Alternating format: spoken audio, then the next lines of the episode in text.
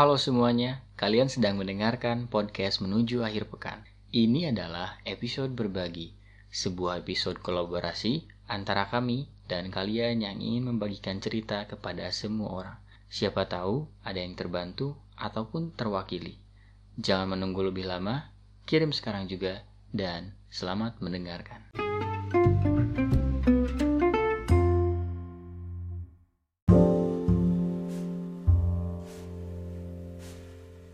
Halo, perkenalkan namaku Lili. Terima kasih kalau mau bacain ceritanya. Jadi, aku menjalin hubungan dengan pacarku hampir 8 tahun. Kami menjalani hubungan ini sejak SMA. Karena kami satu kelas, jadi kami ke mana-mana berdua. Bahkan duduk pun di meja yang sama. Sampai teman-teman sering bilang, di mana ada aku, pasti ada dia. Dia sering banget antar jemput aku sekolah. Sampai-sampai setiap harinya pulang sekolah, dia ikut istirahat di rumahku. Orang tuaku sudah sangat menyayanginya. Bahkan keluargaku sudah mengenal dia.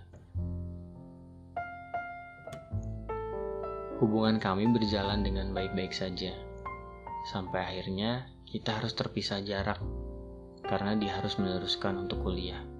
Dan kita harus selalu mengatur jadwal untuk bertemu. Karena kita berjauhan, masalah pun banyak berdatangan. Mulai dari perubahan sikap, orang ketiga, orang tua, bahkan dari diri kita sendiri. Sampai akhirnya dia lulus kuliah. Dan sekarang dia kerja. Seringkali aku menanyakan tentang tujuan dan kesiapan untuk ke depannya gimana. Aku bingung. Sekarang umurku 25 tahun. Udah banyak teman-teman yang udah lamaran, menikah, bahkan udah punya anak. Jujur ada rasa ingin seperti mereka, sudah memiliki teman hidup sedangkan kami masih diambang kebingungan antara kita berjodoh atau tidak. Jujur takut, takut banget, takut hubungan 8 tahun ini berakhir sia-sia. Aku bingung mau putus atau terus, sedangkan umur kita terus berjalan. Terima kasih. Uh, Sebenarnya kalau kita ngomongin jarak agak sulit-sulit gampang. Karena banyak juga yang gagal. Tapi banyak juga yang berhasil. Aku nggak tahu referensi kamu dan banyak orang lainnya di mana saat hubungan jarak jauh. Tapi yang pasti saat hubungan itu disekat oleh jarak tertentu, apa pun itu, termasuk tempat tinggal, dan ternyata hubungannya tidak berjalan baik. Muncul masalah-masalah yang sebenarnya nggak harus terjadi. Itu udah pasti ada yang salah di antara kalian. Dan itu bukan karena jarak. Karena kapan pun dan apa pun statusnya, akan ada masa di mana kita memiliki jarak tertentu dengan pasangan kita sendiri. Ya simpelnya kita nggak nggak bisa menghindari hal itu. Dan hubungan 8 tahun yang kamu jalani itu waktu yang sangat lama. Tidak semua orang bisa seperti itu. Tapi mungkin ada pasangan yang lebih lama dari itu. Mereka bisa berhasil ataupun sebaliknya. Gak ada yang pernah tahu. Tapi jika kita melihat angkanya, Kayaknya waktu selama itu cukup untuk kalian membicarakan hal-hal tentang kesiapan dan ke depannya seperti apa.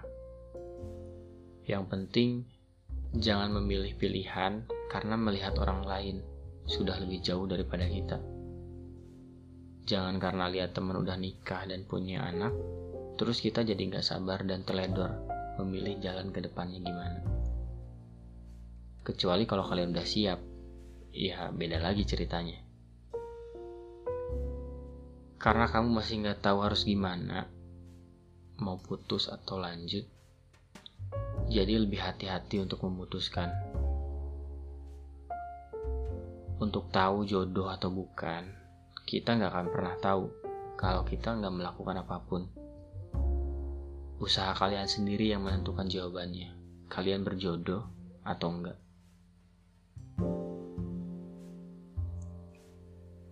Dengan waktu selama itu, kita pasti tahu bahwa saat kita hancur, akan hancur banget. Apalagi tentang akhirnya harus selesai dan tidak sesuai yang kamu harapkan. Ya aku gak akan bisa ngasih apa pun tentang itu. Tapi lebihnya syukuri aja. Setidaknya kamu bisa belajar dari hubungan yang panjang itu, yang mungkin tidak orang lain alami. Setidaknya kamu punya nilai lebih tentang pengalaman selama itu.